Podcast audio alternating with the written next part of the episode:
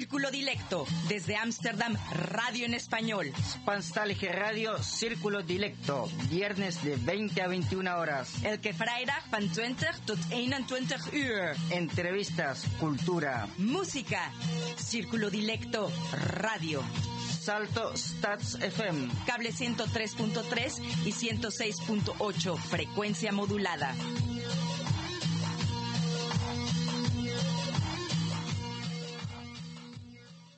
Muy buenas noches a todos nuestros queridos y dilectos radioescuchas.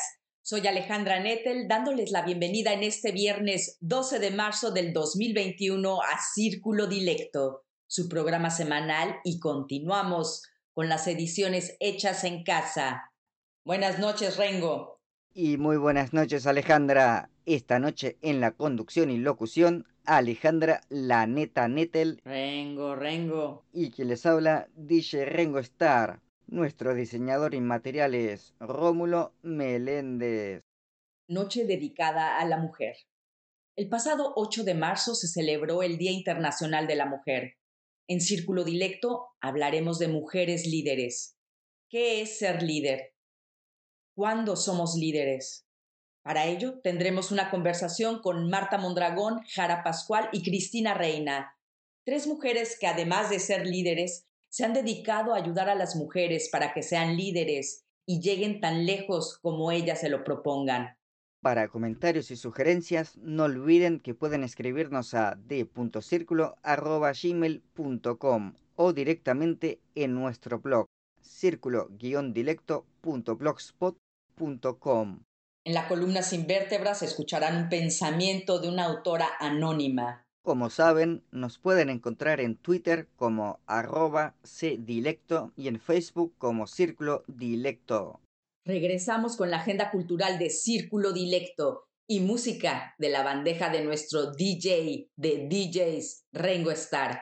En nuestro blog pueden encontrar información relevante para hispanófonos residentes en Países Bajos, círculo-dilecto.blogspot.com. Y ahora escuchamos a Los Twists con el twist de Luis.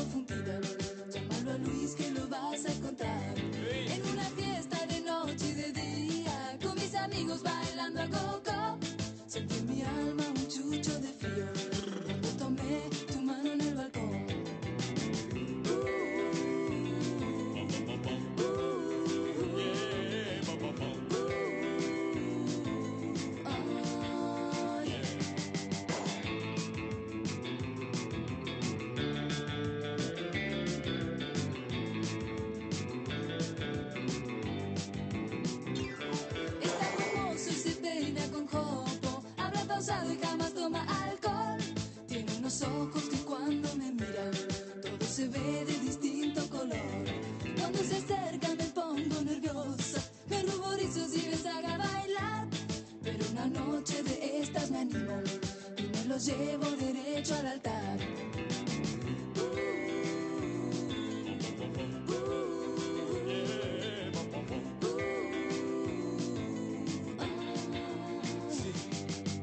Hola, yo soy Luis, amante de profesión.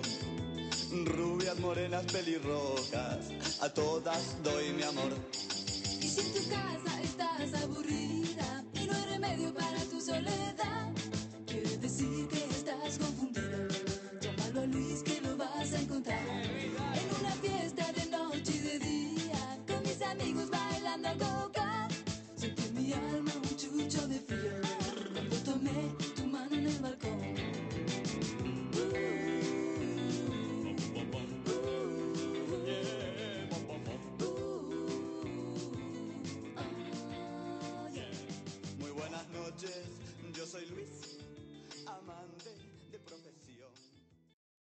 Esta noche tendremos la oportunidad de escuchar a tres mujeres con una trayectoria muy amplia en lo que a mujeres líderes se refiere. Un tema que a todos nos incumbe y no acaban de haber soluciones visibles y palpables a nivel político y desafortunadamente tampoco a nivel social. Marta Mondragón, Jara Pascual y Cristina Reina, cada una experta en diferentes sectores, por lo que la noche promete mucho y sin duda se quedará corta para indagar en todos los aspectos que el tema podría abarcar. Muy buenas noches. Buenas noches. Buenas noches. Hola Alejandra, gracias por invitarnos. Sin más preámbulos, quiero presentarles a mis tres invitadas.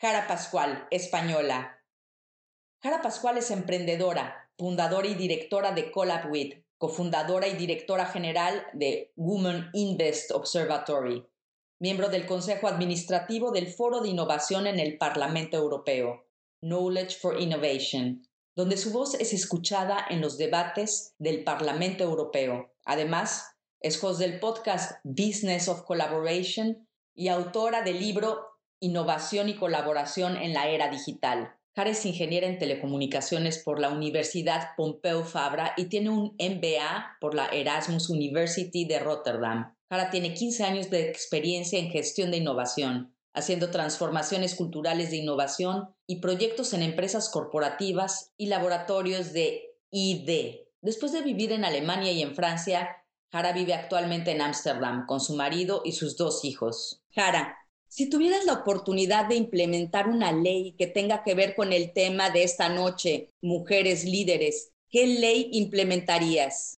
Buenas noches, muchas gracias Alejandra por esta invitación y por esta pregunta tan importante.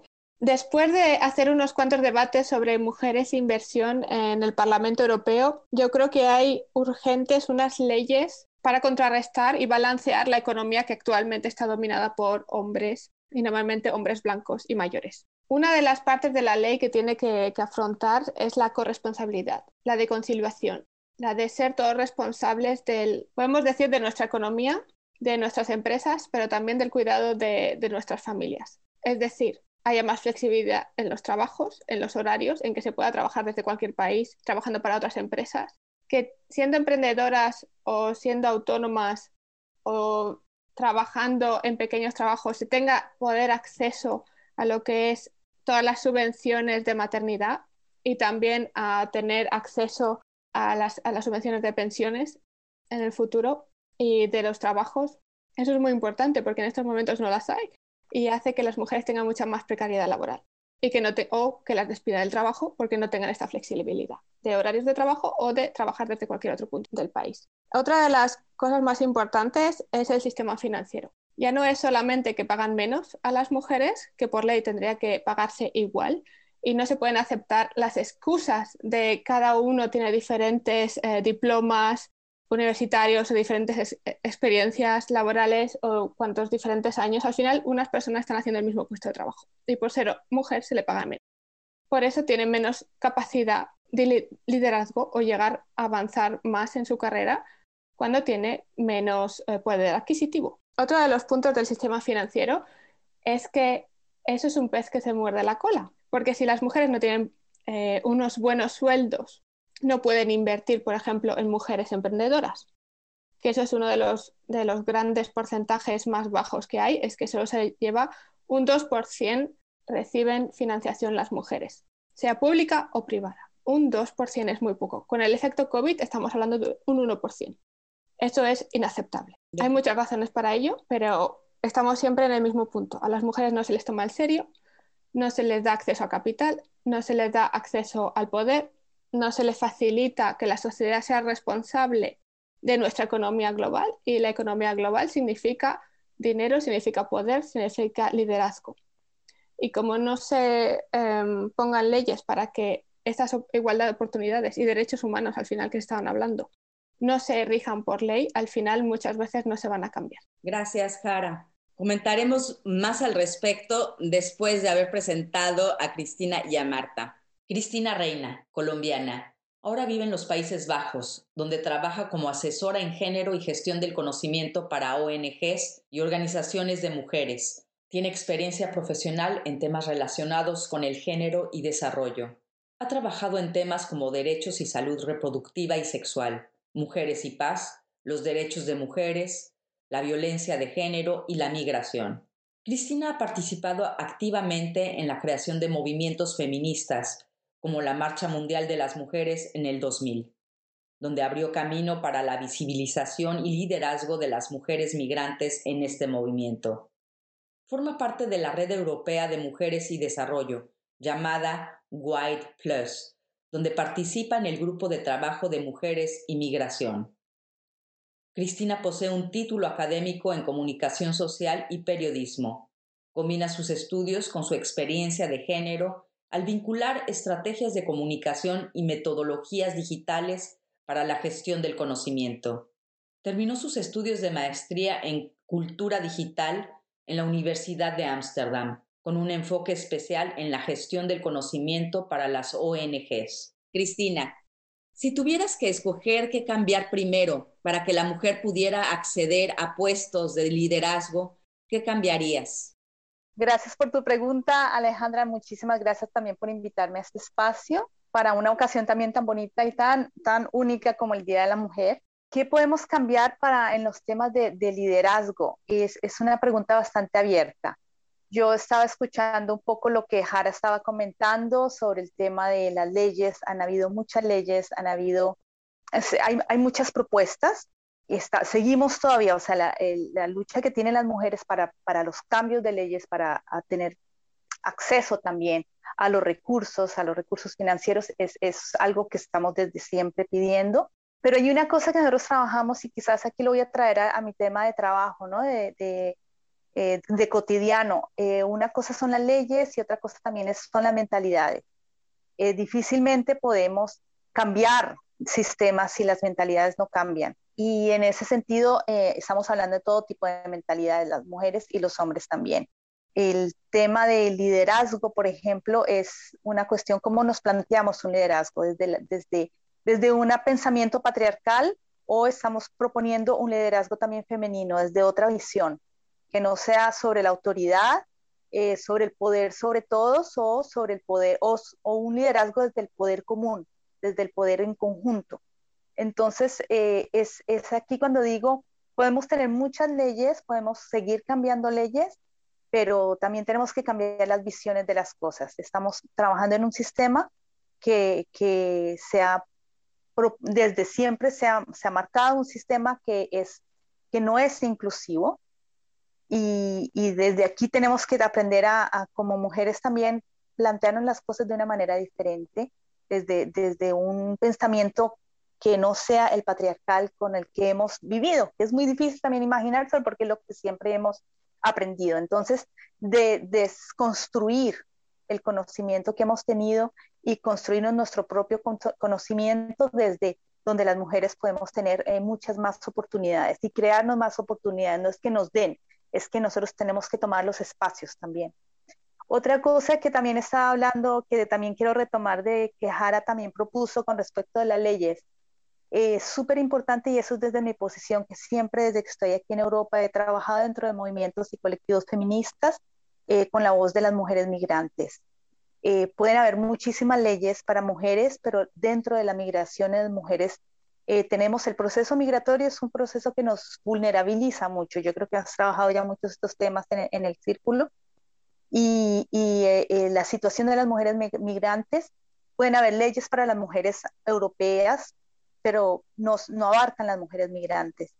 Y, y esto también es súper importante porque estamos hablando de, de, cuando estamos hablando de leyes, tenemos que también pensar en leyes inclusivas que puedan eh, dar la oportunidad a todas las mujeres. Entonces, dentro de estos espacios, eh, ¿cuáles mujeres son las que van a tener acceso a qué?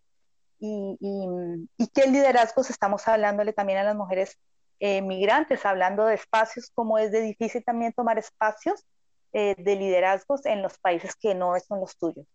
Entonces, esos son, son temas que son muy interesantes de trabajar desde el pensamiento de, de qué es un liderazgo. Muchas gracias, Cristina. Marta Mondragón, originaria de la Ciudad de México, lleva viviendo 21 años en Países Bajos. Estudió nutrición y ciencia de los alimentos y el posgrado en antropología social en México.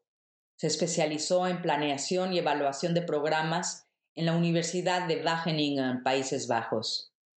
En México trabajó en programas alimentarios y políticas de desarrollo social en instituciones gubernamentales, universidades e institutos de investigación. Así como en proyectos de la FAO y UNICEF. En Países Bajos trabaja como consultora en cambio organizacional, cultura de negocios, innovación para el desarrollo sostenible e interculturalidad.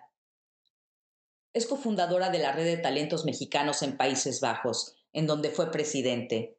Ahora se enfoca a apoyar proyectos en las áreas de género, desarrollo sostenible, emprendimiento e innovación.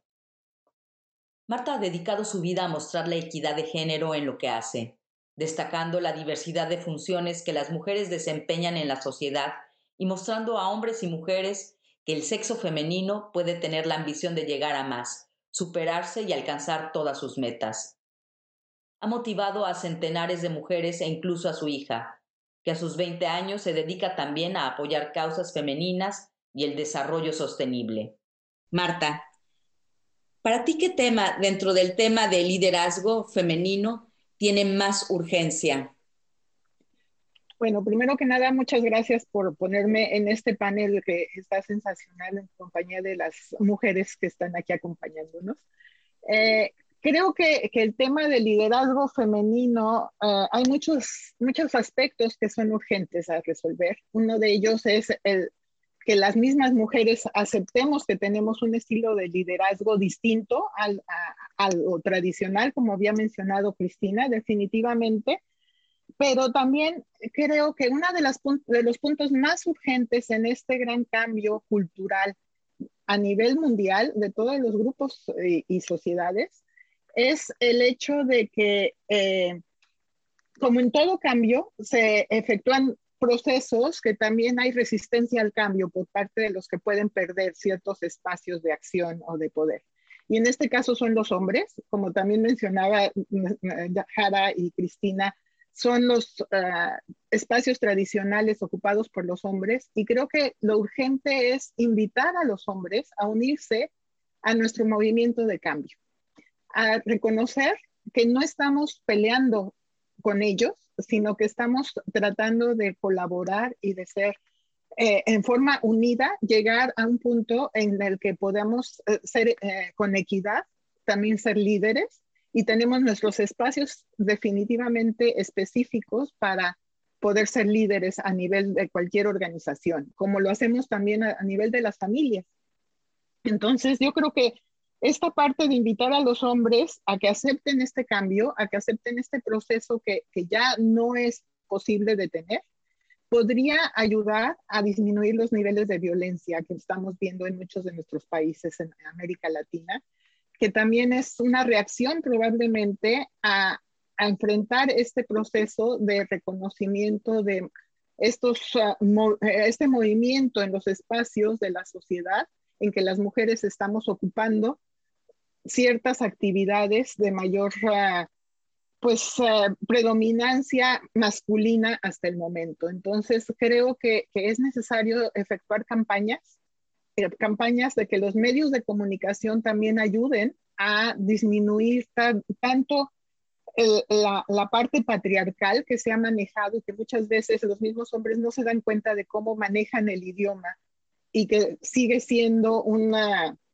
una forma de, de mantener sus espacios de poder, digamos, pero que también estos medios de comunicación nos, nos impulsen a hacer las cosas en colaboración con los hombres y que no nada más eh, se vean eh, los movimientos feministas como de las mujeres que están aquí tratando de, romper nuestros espacios y nosotros estamos a un lado, sino que también el invitar a los hombres a unirse a nuestras causas.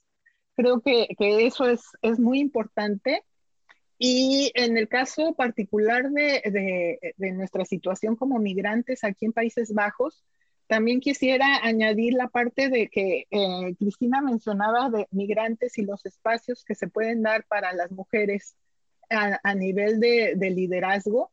Creo que también como hispanohablantes tenemos una, uh, una función eh, importante de encontrar esas oportunidades también en los movimientos que están incluyendo a otras mujeres, a otras culturas porque generalmente la, la cultura eh, hispana, uh, la cultura latinoamericana o hispanohablante, se ha dejado a un lado y, ha habido ya muchos esfuerzos para incorporar mujeres líderes de otras culturas, de otras regiones del mundo, pero nos falta todavía como latinoamericanas o hispanohablantes, incluyendo a, nuestras ah, amigas y compañeras españolas que también han hecho mucho por, por, la causa. Creo que es importante el encontrar esos espacios para nuestra, nuestras características particulares como mujeres hispanohablantes. Muchas gracias, Marta. Continuamos en un momento. Están escuchando Radio Círculo Directo. Y ahora escuchamos un combinado de Rosita Quiroga junto a Susana Rinaldi.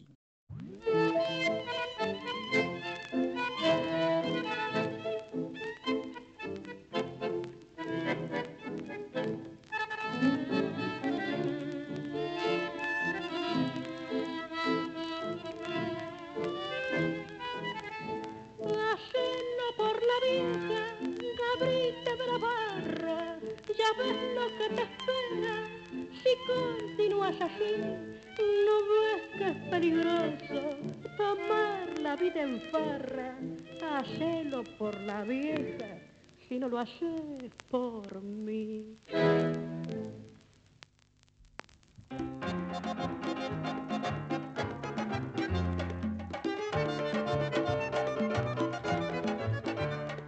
Milonga de cara nueva que busca el cielo con su canción, igual que la enredadera que enciende flores en el balcón, milonga del casamiento que trajo el viento que se enredó, burbuja de copa llena por la morena que se casó, será feliz de luchar junto a él.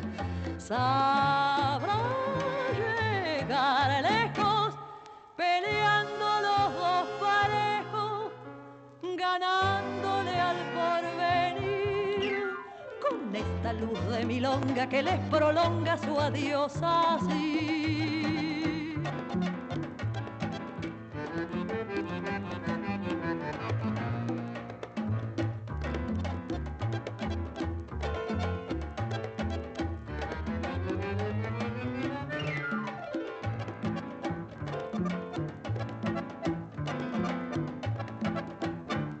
Ya sale con su muchacho las manos juntas y el largo adiós. El vuelo de los pañuelos seca algún llanto que se escapó. Mañana sabrá la luna como ninguna lo que pasó. Vestida de azar y cielo con su revuelo dirá que no. Será feliz de luchar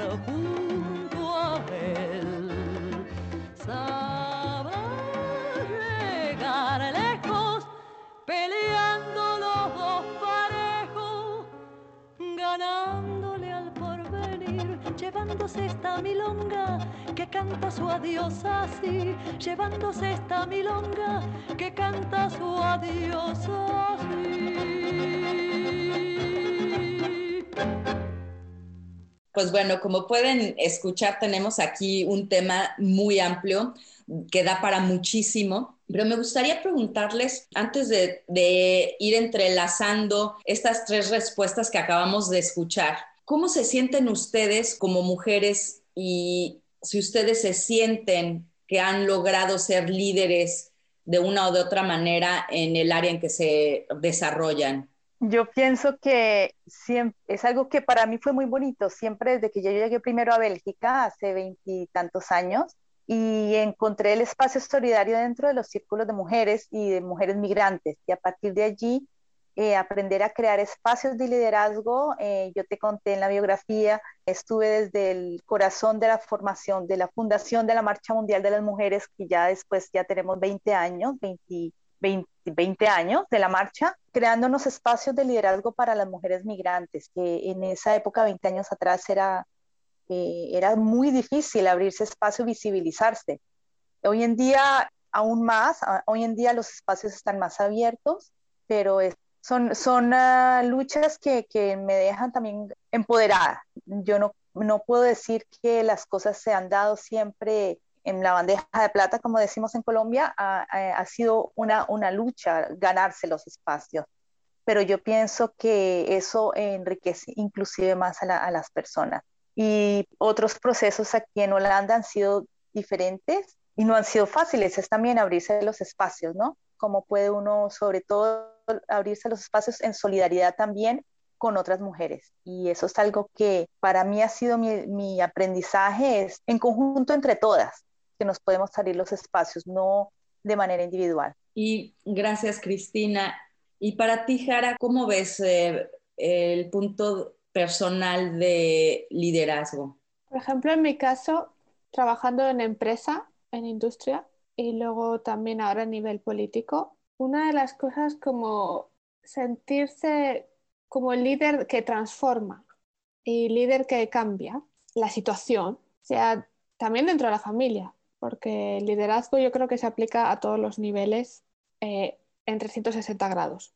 No puede ser distinto en el trabajo que en casa o en diferentes puestos de trabajo. Es como vas aplicando y creciendo más a más retos, más niveles de li- liderazgo tienes que sacar de dentro de ti. Y lo que yo sí que he visto es que mi forma de liderar era muy diferente a- al de otras personas. Y se puede achacar a que tenía mi lado femenino y también tenía que desarrollar a fuerza un poco también mi lado masculino de energético de liderazgo, pero creo que sí que se puede ver que es una co-creación también el liderazgo. Y si no, no es solo tú, es tú, tu equipo o tu entorno, más el entorno un poco más, más allá. Y entre todos tiene que estar coordinado con la misma visión, porque si no, no pasa nada.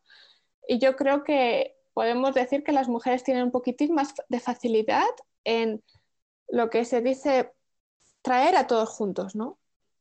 Para, llevarlo a cabo. Yo creo que eso sería, ¿no? Esa colaboración, esa co-creación es mucho más eh, femenina, que quizás unos hombres también la pueden tener, porque como otras mujeres tienen un poco más de energía, siempre que tiene que estar equilibrada. Y yo creo que en el liderazgo se ve muy, muy, muy claramente, y yo también lo he sentido en el sentido de poder aplicar o adaptar un tipo de liderazgo más femenino u otro más, masculino, dependiendo de la situación. Gracias, Jara. ¿Y tú, Marta, qué tal? Pues bueno, yo estoy de acuerdo también, nuevamente, no podemos diferir tanto en esto. Yo creo que eh, un verdadero líder es el que llega a sus metas y, y también impacta en los demás, ¿no? Entonces, creo que, que todos en nuestra medida podemos ser líderes, todas tenemos que creernos esa posibilidad de lograr lo que ambicionamos y de, de escalar y de, superarnos cada vez más, ¿no? Creo que en ese sentido, eh, pues bueno, innata, en forma innata tenemos esas capacidades de liderazgo, cada una distintas, como dice Jara, pero también creo que tenemos eh, todas esas habilidades suaves que se llaman, que son las que ahora se están reconociendo como los elementos claves para el liderazgo a nivel mundial. Y que son incluso las, uh, las características que piden para los nuevos, uh, los nuevos empleos a, partir de, del siglo XXI, ¿no?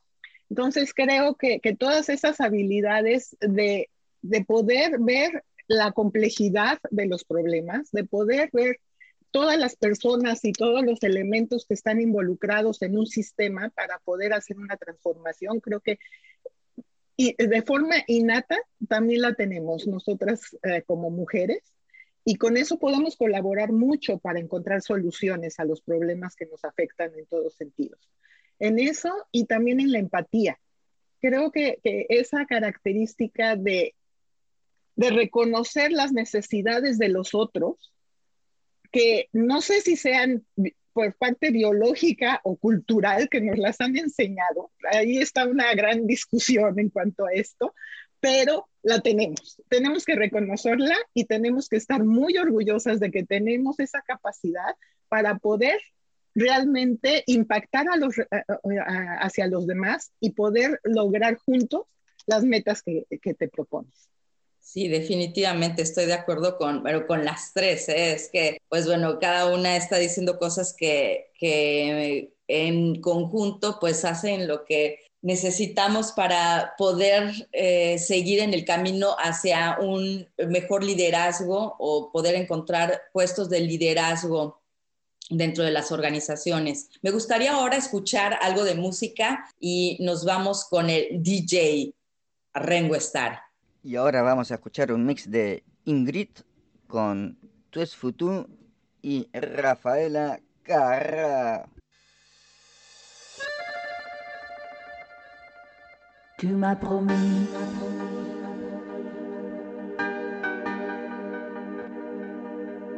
et je t'ai cru.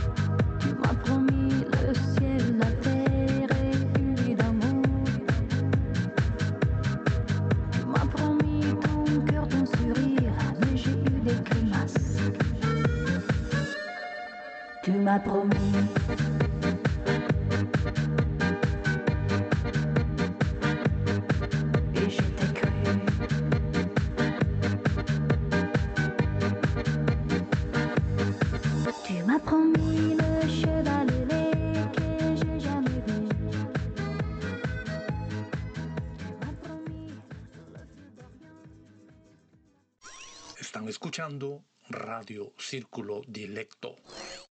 Continuando y retomando, vamos a hablar un poco acerca de estas leyes que no son para todas o para todos. En este caso, son leyes que todavía no acaban de implementarse, todavía son leyes que no llegan a un fin concreto y que no incluyen, como decía Cristina Reina, a las migrantes. ¿Qué opinan ustedes? Eh, yo, es interesante, bueno, desde el análisis y de la perspectiva de género, ¿no? Eh, cuando tú trabajas el, un, pensamiento de, de- del pensamiento de género, el análisis de género, eh, entiendes que cualquier cosa que se aplique no va a, impacta a cada persona de una manera diferente dentro de, de su propia realidad. Entonces, un impuesto al tomate no es el mismo impuesto a una persona que tiene toda la plata del mundo para pagarse el tomate o para una mujer que tiene que cobrar, eh, que tiene que trabajar y mantener a tres niños y, y, y a, a quien el salario básico le alcanza el mínimo por, por el mismo, la misma, estamos hablando del mismo impuesto y el mismo tomate, como para ponerle de una manera muy práctica, ¿no? Entonces, eh, esto si lo miramos a- a- en todas las escalas, eh, es cuando estamos hablando, no, no todas las leyes que pensamos que la justicia es, es eh, para todo el mundo, no para todo el mundo le cae igual eh, las leyes. Entonces, aquí es donde tenemos que, que pensarlo desde esta manera, cuál, cuál, ley, cuál ley impacta o no y a cuál tenemos acceso también, Sí. todo el mundo.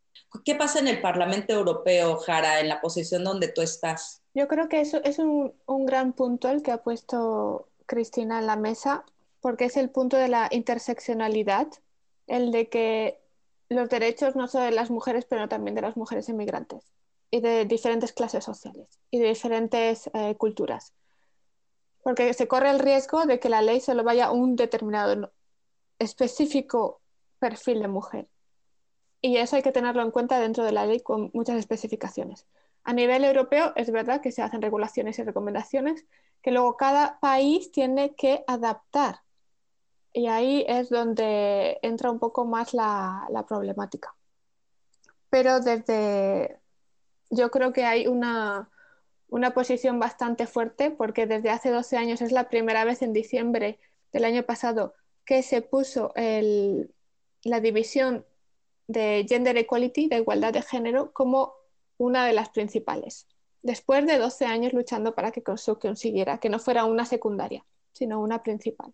Yo creo que estamos en, lo estamos sintiendo, ¿no? Hay un cambio, hay, un- hay un cambio y yo creo que estamos dando pasos hacia, hacia este cambio para dar más visibilidad y más derechos a las mujeres. Ya no hablemos de las mujeres hispanohablantes, sino en general de la mujer migrante. Yo creo que no estamos reflejadas en ningún punto. No, y además es muy difícil en, en el sentido en que dinero es poder al final. Por ejemplo, yo me quería hacer un, desde que estoy en Holanda, una nueva cuenta de banco para mis em, trabajos como freelance, no fuera de mi empresa, ¿no? Como trabajos de freelance, y he conseguido ahora una cuenta de banco después de tres años. Es decir, siendo española, viviendo en Holanda, pues los bancos no te aceptan. Lo ven muy raro. Somos un porcentaje ahí de la campana de Gauss especial que no están las leyes, ¿no? Das papeles, ah, pero tu nombre no está correcto, ¿no? Como aquí las iniciales son por iniciales todos los papeles, cualquier cosita, ah, pero tú cómo sabes quién eres tú. Y esta coma, o sea, ponen muchas pegas que digo, ¿esto es normal o no es normal? Pero yo todavía no tengo una nueva cuenta de banco fuera de con mi marido, ¿no? Esto no puede ser. Entonces, o de otras cuentas, ¿no? Yo creo que eso es un problema bastante grave que refleja la situación y la posición de la mujer en la sociedad, sobre todo emigrante. Marta, ¿tú quieres decir algo? Yo creo que hay muchos esfuerzos en crear leyes también para hacer este cambio. Pero recordemos que las leyes van después de los cambios en la sociedad. O sea, que la, la, los cambios de la sociedad demandan que se haga una, una ley para realmente tener toda la normatividad oficial de, de ese cambio, ¿no? Por ejemplo, quería mencionar la, la, la, ley para hacer una cuota de mujeres en la, tanto en la política, en Países Bajos, me refiero específicamente, eh, en la política y en las empresas, de que los, pues, los puestos de alta dirección tienen que cubrir con una cuota. Y las mismas empresas eh, dicen, es que no contamos con las mujeres suficientes para poder cubrir esta cuota que la ley me está imponiendo. Y entonces hay siempre esta, eh, esta característica de que no puedo cumplir porque los demás no, no tienen estas posibilidades de, de cubrir la cuota. No hay su mujeres suficientes. Ahora estaba viendo, ya hay una plataforma que se está abriendo para todas las mujeres que tienen ciertas características para ocupar puestos de alta dirección, pueden registrarse y entonces las empresas pueden tener ya a la mano todos los datos que pueden uh, servirles para hacer una elección. En esto tenemos que recordar también la parte patriarcal, la parte de, que quiénes son quienes eligen a las, a, las personas que van a ocupar los puestos de alta dirección, pero creo que, que, también es, eh, es todo un proceso de, de, implementación de las, de las leyes que lleva su tiempo también, ¿no? Y que no tenemos que dejar pasar estas oportunidades. Eh, es verdad que, bueno, están las leyes, ¿no? De, de, igualdad, de que se abran más oportunidades para mujeres en el poder, pero hay otra cosa, una cosa es, es, es, estar en el poder y otra cosa es poderse mantener en el poder, porque eso implica también entrar en juegos en los que uno quizás no quiere. Entonces, entrar en mecanismos y entrar en una estructura que no es la que uno siempre quiere aceptar. Lo que veníamos diciendo es una estructura patriarcal y muchas mujeres pues sencillamente no rechazan este tipo de estructura. E inventarse una nueva es es complejo, es, es, es cambiar unas muchas mentalidades. Entonces, eh, sí, claro, eh, pueden decir muchas veces que no hay y muchas veces sí, claro, las hay, las hay que las hay, sí, pero, pero poderse mantener en el poder, poderse mantener en estados de liderazgo sin perderse uno misma en eso, sin perder uno su voz y no volverse eh, otro juguete más, otro, otro peón más de, del ajedrez, es, es, es allí donde tenemos que trabajar muchísimo más. Y esto también viene desde casa. Yo creo que eh, el hecho de poder cambiar las leyes también tiene que entrar dentro de las leyes de cada casa. Y eso a lo mejor, eso es algo que todos y todas podríamos empezar a hacer ya, ¿no? De decir, bueno, ¿cómo voy a cambiar la situación en mi casa? De que haya, de que mis hijos y mis hijas tengan una educación donde sea normal la igualdad de género. ¿Qué, opinan ustedes? Porque las tres tienen eh, por lo menos una chica en casa de diferentes edades. ¿Cómo va esto? Y también tienen chicos. ¿Qué piensan ustedes acerca de, de la educación y desde su punto de vista, ¿qué hacen ustedes al día a día para poder hacer un cambio? En el caso de mi familia, además tenemos una hija y bueno, la parte del idioma holandés es, es importante porque mi marido de repente decía, Jongens, coma, no, vengan muchachos. Y siempre le contestaba yo, no somos Jongens, somos niñas, somos meisjes, ¿no? Entonces tenía que cambiar mi esposo cuando nos llamaba para que fuera realmente incluirnos a nosotros como mujeres. Entonces eh, fue todo un proceso y después mi niña desde los cinco años empezó a decir siempre, si somos puras mujeres, tienes que referirte a nosotros como mujeres, ¿no? Detalles tal vez muy pequeños, que como les comentaba antes, a veces no se notan dentro de un idioma, pero que están marcando una diferencia, ¿no? Que no se están refiriendo a ti como mujer, como una, un individuo distinto a, lo que son los muchachos y los hombres. Entonces, creo que en ese sentido también la distribución de las labores del hogar tiene que ser desde el, padre y la madre tienen que colaborar, pero también los hijos. Yo no tuve niños, pero siempre decía, si todos comemos, todos tenemos que alzar la mesa y todos tenemos que ayudar en la cocina, ¿no? Entonces, el, no hacer esas diferencias de que por ser niña tú, a ti te toca hacer la, esto. Creo que siempre es importante en, en la educación de los hijos el marcar de que no hay esas diferencias. Sí, pienso que es también un trabajo de acompañamiento. Tengo una nena, y una nena ya de 15 y un chico de 14. Desde, desde un pensamiento muy feminista, nunca quise tampoco ponerle a mi hija, decirle desde chiquita, tienes que ser feminista. Es algo que uno aprende y que uno decide después si lo es o no lo es. Eh, acompañándola mucho en los procesos. Nunca le prohibí jugar con Barbies, pero, pero también le explicaba también, ¿no? eh, qué es, o sea, qué es la imagen de una Barbie. Eh, nos sentamos a ver, todos los, se vistió de rosado y se vistió de, todo, la acompañé en todos sus procesos, nunca le prohibí nada de eso, pero se los acompañé siempre, haciéndola pensar de una manera crítica, eh, ¿por qué haces eso? ¿Por qué están imaginando? Porque mira la imagen que están reflejando de las mujeres en ese video, ¿por qué lo están haciendo así? Eh, siempre fue un acompañamiento del pensar el por qué están imaginando a las mujeres así y, y, tú, y tú crees que tú eres así y por qué no se necesita ser así, ¿cierto?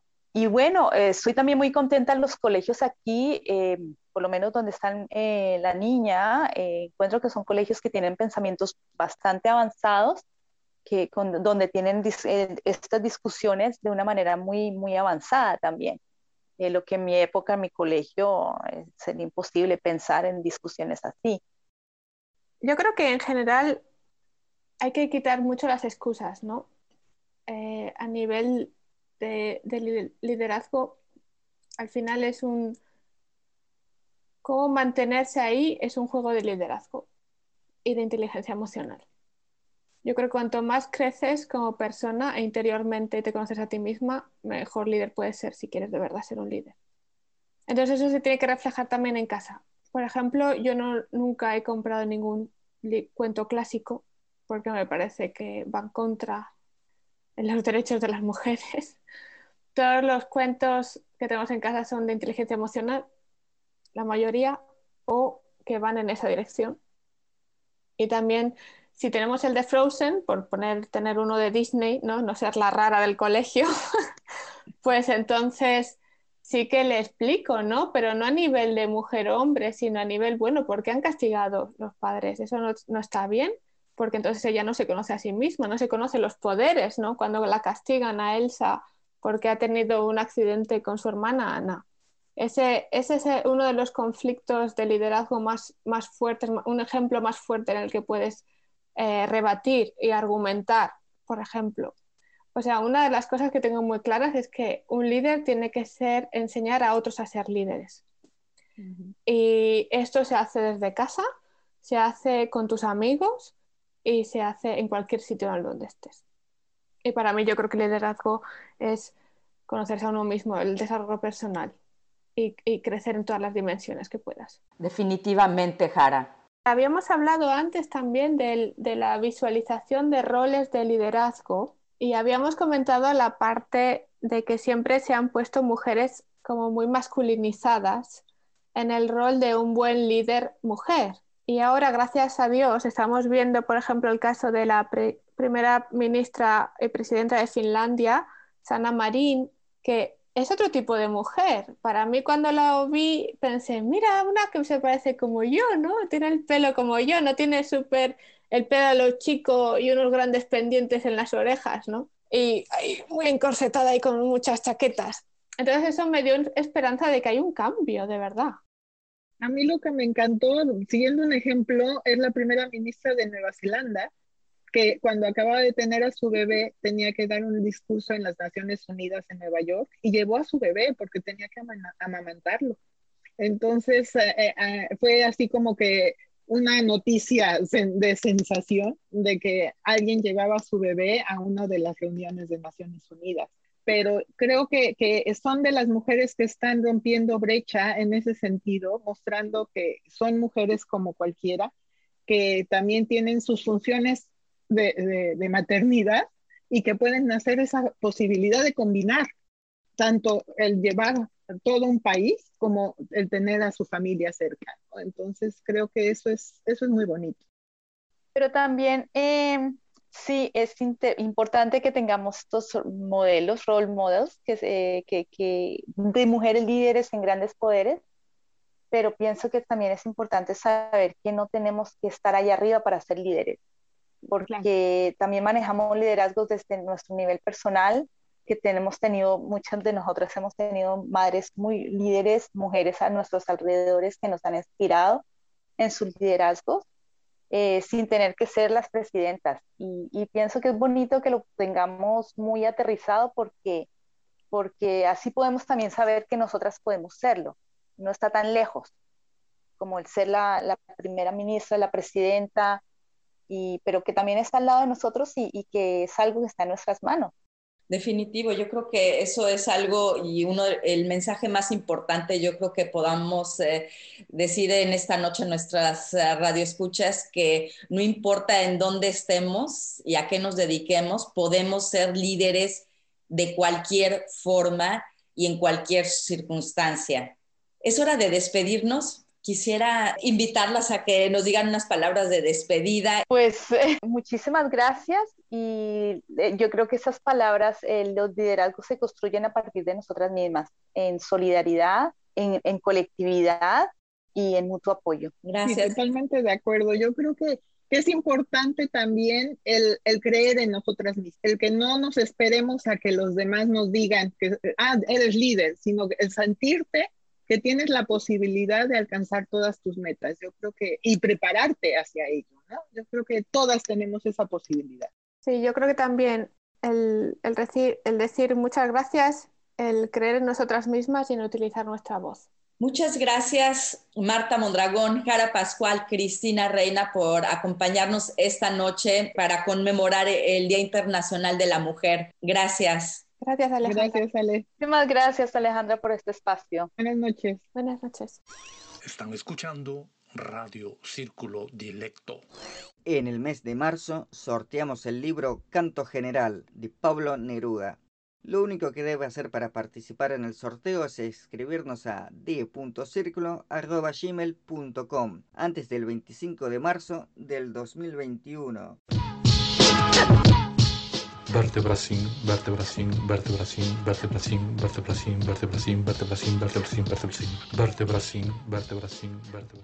Ella es una mujer normal, con aspiraciones diferentes.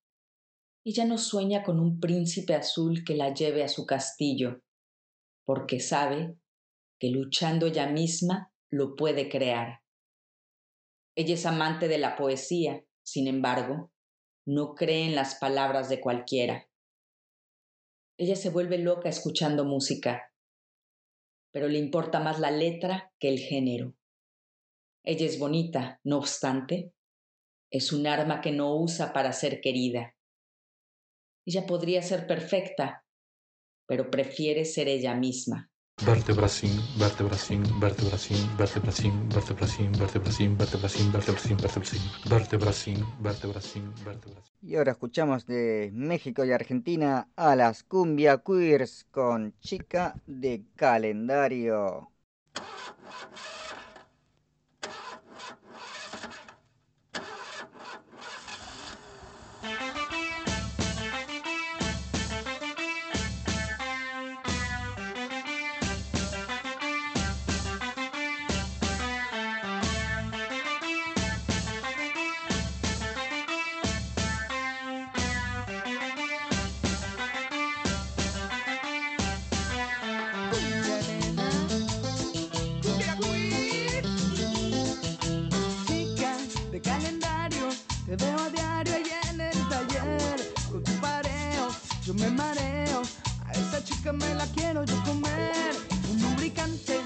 En la mano. Me cae de madre que te lo quiero embarrar. Y el mes de enero y el de febrero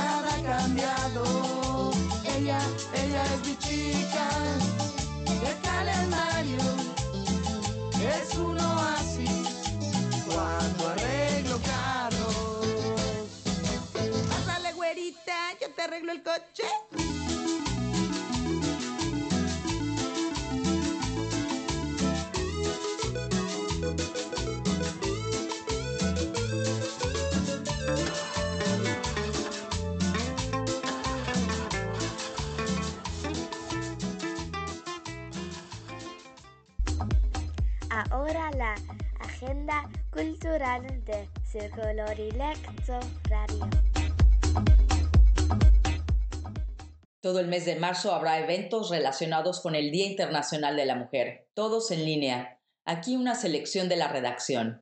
Casa Migrante. Después del exitoso evento del pasado domingo 7 de marzo, Casa Migrante sigue con actividades acerca del Día de la Mujer y esto va a ser en línea. Vaya todos los días a Facebook, Casa Migrante Ámsterdam, para ver la exposición fotográfica que estarán presentando. Además, si tiene oportunidad de ir a Casa Migrante en Ámsterdam, habrá una exposición durante tres semanas para personas que tengan que arreglar algún asunto. Tiene que hacer cita. La Red de Talentos Mexicanos en Países Bajos nos invita a unirnos a su evento Hablemos de Violencia, un evento gratuito de cinco días, una hora cada día en línea. Esto será del 22 al 26 de marzo, de las 8 a las 9 de la noche. Como el título lo dice, se hablará de violencia. Un evento que sin duda ayudará a muchas mujeres a reconocer la violencia y a saber qué pueden hacer, quiénes les pueden ayudar. El programa será llevado por Teresa Ulloa, Fabiola Morales y Gaby Llanas, entre otras expertas en el tema. Anoten en sus agendas, del 22 al 26 de marzo, 8 de la noche. Próximamente toda la información en redtalentos.nl, en nuestro blog y, por supuesto, en Facebook. Poesía. El Liceo Poético de Benidorm celebra sus 18 años y la Asociación 100.000 Poetas por el Cambio celebra sus 10 años. Con tal motivo convocan a poetas para que participen enviando un video, un mensaje de voz y foto o enviando su poema escrito de menos de dos minutos antes del 13 de marzo a juantajes.gmail.com. El 16 de marzo, los poetas Ramón Aniotis y Juan Tajes presentarán el material enviado en el canal de YouTube de Juan Tajes. Vea la convocatoria en nuestro blog. Tercera llamada para los padres de niños hispanohablantes. La Escuela Hispana de Ámsterdam tendrá este próximo 27 de marzo su día de puertas abiertas. Para inscribirse, tiene que ir a escuelahispana.nl. Rómulo Meléndez nos representa jurídicamente ante Salto. La gente que tenga ideas, sugerencias o algo para dar a conocer puede hacer contacto con nosotros a través de d.circulo.gmail.com. Llegamos al fin de esta edición casera de Círculo Dilecto. Gracias Marta Mondragón, Cristina Reina y Jara Pascual por haber hecho posible este programa.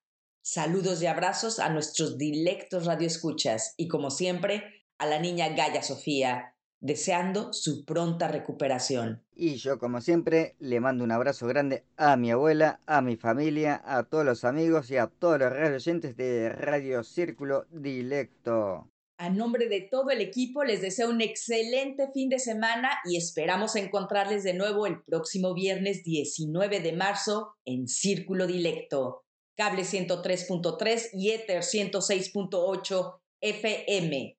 Radio Salto. Y ahora escuchamos a Cristina y los subterráneos con Voy en coche.